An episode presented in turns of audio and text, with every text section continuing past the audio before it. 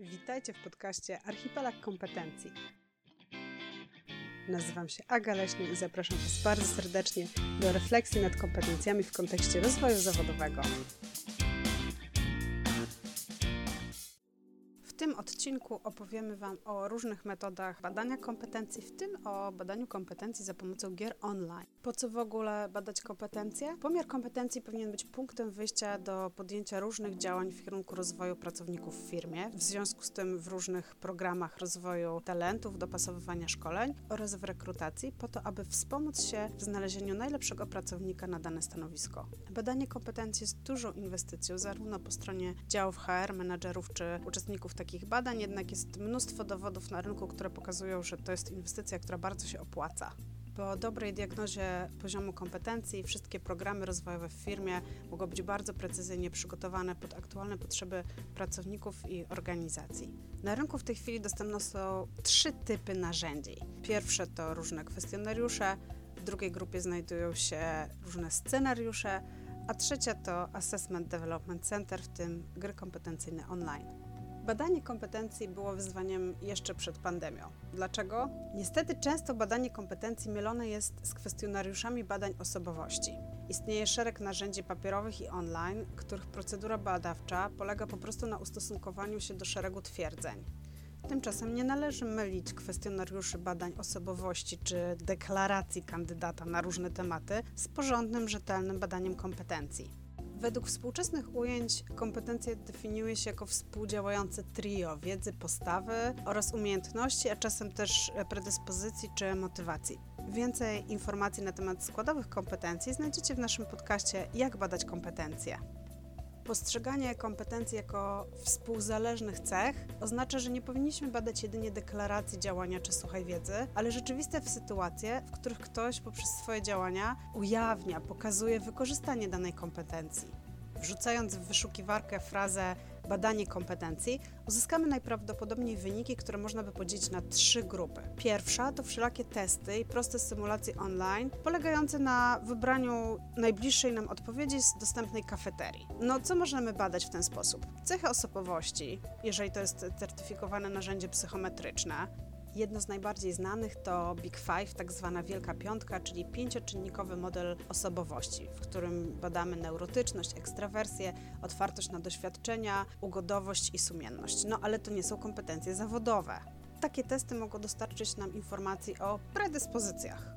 Podobnym badaniem jest Clifton Finder, często nazywane badaniem talentów Galupa. Poprzez testy do pewnego stopnia można mierzyć postawy oraz deklaracje umiejętności. Jeżeli kafeteria dotyczy na przykład uszeregowania czynności według ich priorytetów, możemy dowiedzieć się, jak dana osoba postrzega priorytety oraz czy posiada umiejętności ich prawidłowego określenia. Jednak czy w taki sposób będzie rzeczywiście priorytetyzowała zadania w codziennej pracy czy działalności? No tego niestety nie wiemy. Jeżeli więc ktoś proponuje Wam narzędzie, a w jego opisie znajduje się sformułowanie, że badanie polega na wypełnieniu kwestionariusza online, online, w którym określa się swoje nastawienie w różnych sytuacjach i na tej podstawie powstaje profil kompetencyjny na jakichś 15, 18, 20 kompetencjach, no to radzimy takich narzędzi unikać. Drugą grupę narzędzi stosowanych do pomiaru kompetencji stanowią najczęściej scenariusze wywiadów kompetencyjnych. Wywiady można prowadzić zarówno bezpośrednio, jak i zdalnie. Z łatwością wyobrażam sobie również, że część takich wywiadów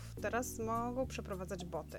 Wywiad kompetencyjny ma tę przewagę nad różnymi kwestionariuszami, że właściwie poprowadzony może być mniej deklaratywny i życzeniowy niż odhaczanie przez kandydata odpowiedzi w teście. Wykorzystując na przykład model STAR, doświadczony rekruter czy badacz jest w stanie w większym stopniu ocenić, na ile postawa czy umiejętności są deklarowane, a na ile jest szansa, że będą używane. Właściwie zadane pytania otwarte, powoływanie się na konkretne sytuacje czy specyficzne konteksty szybko ujawniają, czy kandydat zbytnio nie mija się z prawdą w swoim CV. W trzeciej grupie metod znajduje się Assessment i Development Center, do dzisiaj uważany jako królewski duet najbardziej trafnych i rzetelnych metod. Dlaczego? Bo jak do tej pory jest to jedyna metoda umożliwiająca sprawdzenie kompetencji w działaniu. Uczestnicy biorą udział w szeregu aktywności, np. jakichś scenek, ćwiczeń, gier czy grywalizacji i w tym czasie są obserwowani przez wykwalifikowanych asesorów lub asesorki. Kompetencje badane tą metodą są zamienione na wskaźniki behawioralne, a rolą asesora jest je wyłapać i zwalidować. Assessment Development Center obwarowany jest szeregiem zasad. Na przykład jedna osoba musi być obserwowana przez więcej niż jednego asesora, istnieje limit kompetencji możliwych do oceny danego dnia itd. Tak itd. Tak Przez to te metody są e, dosyć drogie i czasochłonne, choć jak podkreślam bardzo skuteczne. Długo Assessment i Development Center był organizowany tylko i wyłącznie na żywo, jednak wyzwania rynku pracy, jak i przeniesienie wielu zadań zawodowych do pracy zdalnej stanowi dużą pokusę tworzenia odpowiedników Assessment Development Center możliwych do realizowania online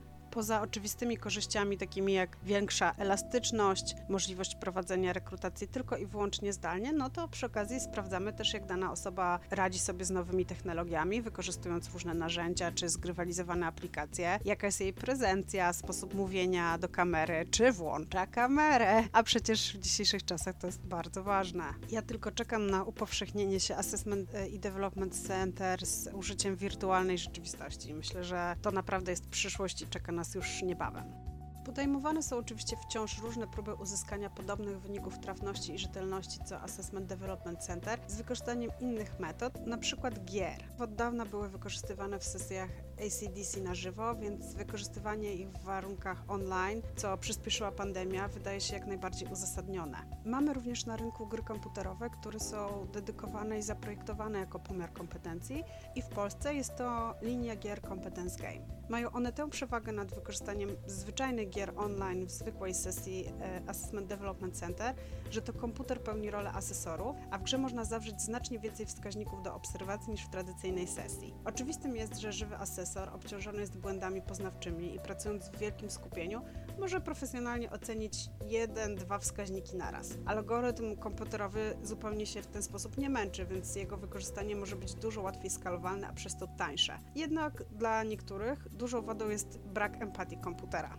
No niemniej, jeśli mówimy o rzetelności oceny kompetencji, to akurat ten brak sympatii bądź antypatii komputera może być niewątpliwą zaletą. W zespole Competence Game braliśmy udział w dużym projekcie, w którym porównywaliśmy tą samą grupę uczestników biorącą udział w sesjach tradycyjnych Development Center z wykorzystaniem gier szkoleniowych, a następnie w ocenie kompetencji online za pomocą gry Archipelago i gry Cluster Mind. Choć wyniki e, uzyskiwane przez e, uczestników tego projektu wychodziły podobnie, część z nich nie ufała wynikom bezdusznej gry i nie wierzyła, że może być dobrze oceniana przez algorytm komputerowy. Co ciekawe, była też grupa o zupełnie przeciwnych preferencjach. W grze komputerowej zachowywali się bardziej naturalnie niż w trakcie obserwacji uczestniczącej i uważali, że przez to ich ocena jest zdecydowanie rzetelniejsza i w ogóle to wszystko było dużo mniej stresujące. Na pewno bardzo wiele zależy tutaj od kontekstu kulturowego, społecznego, no ale przede wszystkim od badanych kompetencji. Jednak rzeczywistość, w której obserwują i oceniają nas komputery, będzie coraz powszechniejsza i staje się elementem procesu rekrutacji. Oczywiście nie jesteśmy wolni od lęków zasianych nam przez filmy science fiction o komputerach przejmujących świat, natomiast warto podejść do tematu z otwartością, ponieważ ocena przez komputer może posiadać bardzo wiele zalet, o ile jest dobrze zaprogramowana. Na przykład jest skalowalna, szybsza. Świat gry online oferuje nam łatwiejszy efekt flow, tak zwanej imersji, czyli uczestnik przestaje widzieć asesora, który notuje i obserwuje każdy jego ruch, tylko po prostu oddaje się grze komputerowej w czasie, kiedy chce. Może to robić na własnych zasadach.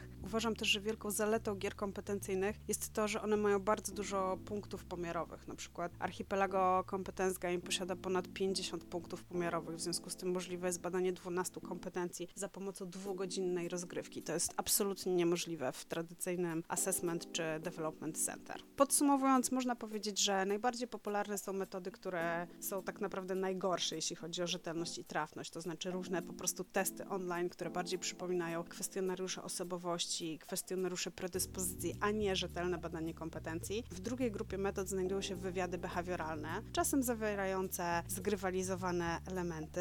Dobrze poprowadzone dają już pełniejszą wiedzę o rzeczywistych kompetencjach kandydatów, dlatego one są najpopularniejsze w tej chwili jako metoda rekrutacji. A w trzeciej grupie metod znajduje się Assessment Development Center, który może być realizowany na żywo lub coraz częściej zdalnie, może być kombinacją różnych metod. Często w tej chwili wykorzystuje się gry szkoleniowe lub gry w aplikacjach mobilnych oraz inne metody pokrewne, których rzetelność jest bliska Assessment Development Center, na przykład gry kompetencyjne, takie jak Archipelago czy Clustermind. Na koniec warto podkreślić, że nie ma co się bać różnych metod zdalnych. Narzędzia te posiadają oczywiste korzyści, takie jak elastyczność, skalowalność optymalizację ekonomiczną i czasową, a jednocześnie sprawdzają podejście naszych kandydatów do pracy zdalnej, do wykorzystywania narzędzi online, otwartość na nowe technologie, co w obecnych czasach pracy hybrydowej i zdalnej jest naprawdę bardzo ważne. Jeśli zainteresowała Was idea kompetencji w rozwoju zawodowym i gier kompetencyjnych, zapraszamy Was bardzo serdecznie na stronę www.competencegame.com. Znajdziecie tam wiele informacji dotyczących badania kompetencji online. Na stronie znajdziecie również kontakt do certyfikowanych partnerów, z którymi można umówić się na badanie kompetencji online za pomocą Competence Game. Zapraszamy Was również na szkolenie certyfikacyjne Competence Game, po którego ukończeniu możecie stać się oficjalnym partnerem naszych produktów.